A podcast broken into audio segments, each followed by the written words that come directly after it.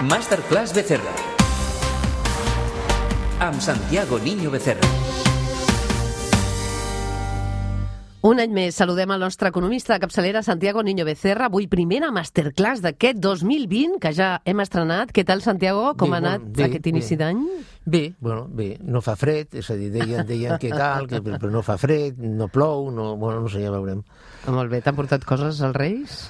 Home, sí, alguna Sí? cosa, sí, Alguna alguna, cosa. cosa. T'ho dic perquè jo tinc la sensació que hi havia una certa alegria econòmica, la gent omplia aquestes festes als restaurants, s'ha viatjat, s'ha comprat reals. És una percepció errònia? Què et diu l'olfacte com a economista? Has detectat molt consum o, o hi ha prudència pel que pugui passar? Bueno, les, les grans xifres el que diuen és que el consum mm, està estancat, està totalment estancat. Per altra banda, té molta lògica perquè el nivell d'endeutament privat eh, ha tornat a pujar moltíssim, s'està desestalviant, l'estalvi eh, s'està enfonsant eh, i, bueno, mm, a veure, la capacitat de consum és la que és, és a dir, no, no, no, pot, anar, no pot anar més. Eh, a més, ara el que està passant amb, amb el tema de, amb tot el tema internet és que abans hi havia eh, moments claus en el consum, és a dir, abans de Nadal, just abans de Nadal, les rebaixes, rebaixes d'estiu, etc etc. i ara, clar, evidentment, en qualsevol moment de l'any mm, hi han descomptes per tot arreu Uh -huh. i, per altra banda, hi han ofertes eh, a la xarxa en, en, també eh, per tot arreu i en, en tot moment. Amb la qual clar, jo, jo, jo penso que el consum s'està mm, diluint eh, Durant tot l'any, eh? Sí, jo penso que sí. Durant tot l'any. Previsions del 2020. Si haguessis de definir amb una o dues paraules com anirà l'economia aquest 2020, què diries? Bueno, jo eh, del 2020 parlo amb el meu darrer llibre, no? la tercera fase de la crisi, eh, jo mm, penso que aquest any serà un any de neteja, el 2021 també. Neteja de què? Neteja bàsicament de balanços de bancs, eh, enca, encara queda molt recorregut per aquí, eh, neteja, per altra banda, de mm, capacitats productives, hi ha capacitat productiva eh, que no s'està utilitzant i això s'ha de netejar, i per altra banda, deute corporativa. Pensem, i d'això sí que no es parla, eh, pensem que al món hi ha pràcticament 15 bilions de dòlars de deute mm, d'empreses que està en risc d'impagament. Això són dades del Banc Mundial. Eh, aquesta és una situació, mm, evidentment, molt, molt perillosa.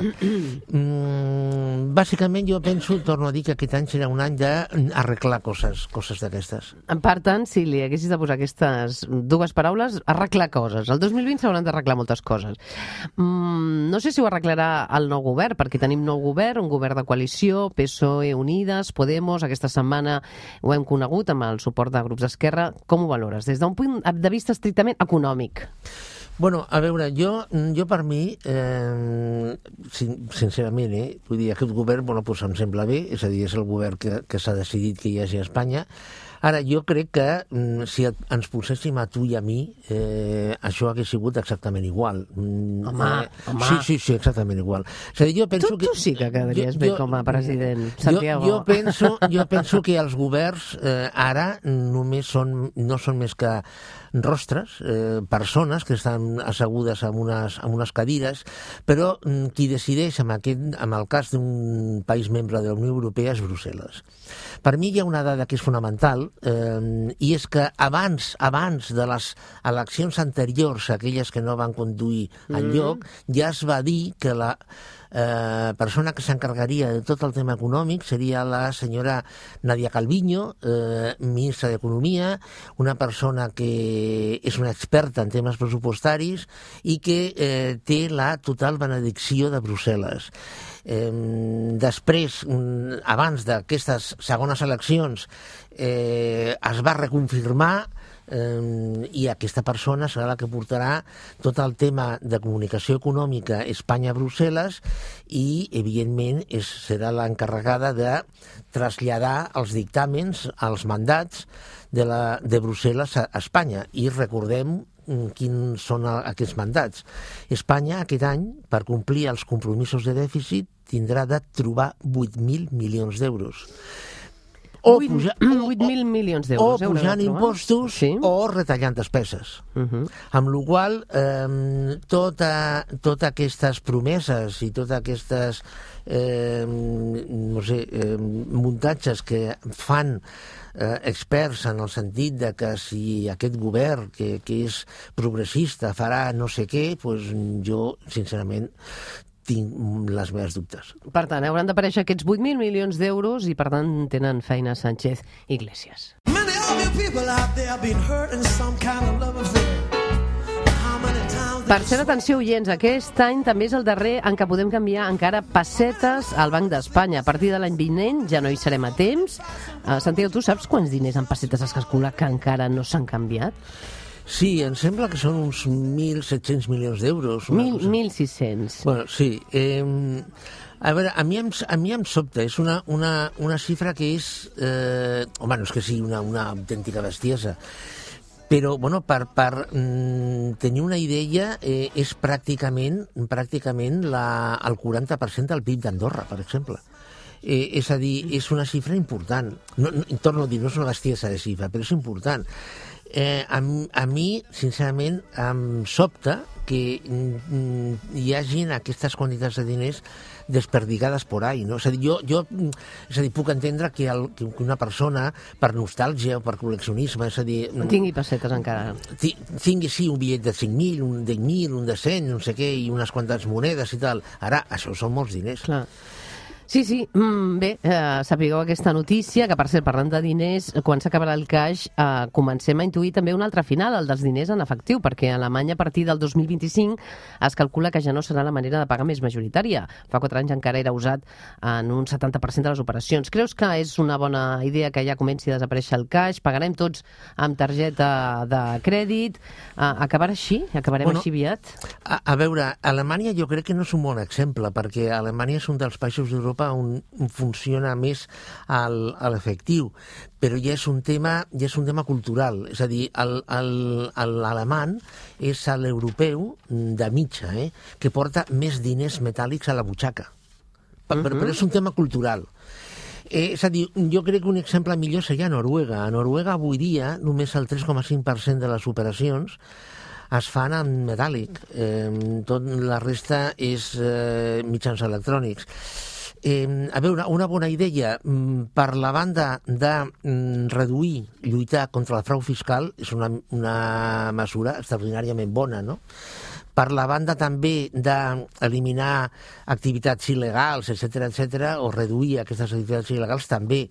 Ara, mm, és a dir, eh, em sembla molt bé, però se- siguem conscients de que si s'elimina el diner metàl·lic, eh, és a dir, mm, es sabrà que tu, eh, el diumenge passat, es Estarem més controlats. Es, et vas prendre un gelat de maduixa Sí, sí, sí. a la burxateria que hi ha a la cantonada de, dels carrers tal i tal. Conseqüència de la digitalització del Big Data, que saben on estem i què fem i què gastem. Eh, llavors, clar, això... És a dir, la, el concepte de privacitat desapareix. Eh? Clar.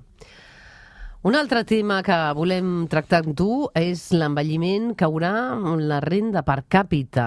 Tema d'envelliment, eh? perquè hi ha un tema en el que volies parlar i és que l'envelliment és progressiu de la població i això té unes conseqüències econòmiques que, que comporta la realitat. Tu dius que realment la culpa no tant la baixa natalitat o l'envelliment, o l'envelliment, perdó, sinó altres factors, no? Quina solució seria? Millorar, doncs, sistemes de productivitat? Mm, Que, clar, el que està passant és que cada vegada treballa gent més gran. Sí, a, a veure, el tema de l'envelliment fa 50 anys era un problema. Eh, era un problema perquè mm, la, el PIB mm, estava molt en relació amb la quantitat de gent que treballava eh, i, evidentment, mm, no, no, era, no era directe, però perquè mm, mm, es produís un creixement econòmic, eh, el, el nombre de persones ocupades i el nombre d'hores treballades tenia d'incrementar. Avui no. És, és a dir, avui dia mal- malgrat que hi ha, hi ha polítics i experts que diuen que sí, que és una tragèdia l'envelliment i que eh, jo, jo penso que en termes econòmics no. Jo no entro en altres temes, eh? però en, en, en termes econòmics no és cap problema. El problema és la productivitat. És a dir, avui dia, eh, d'entrada, cada vegada es necessita menys factor treball per eh, produir la mateixa quantitat de PIB. Eh, és a dir, eh, cada vegada se necessiten menys persones i menys hores de, de, de feina. Eh, per què? Perquè amb inversió es pot incrementar la productivitat i es pot mantenir mm, el nivell de, de PIB, mm, pujar-ho o baixar-ho, segons les necessitats, perquè la flexibilitat, eh, evidentment, avui és bàsica.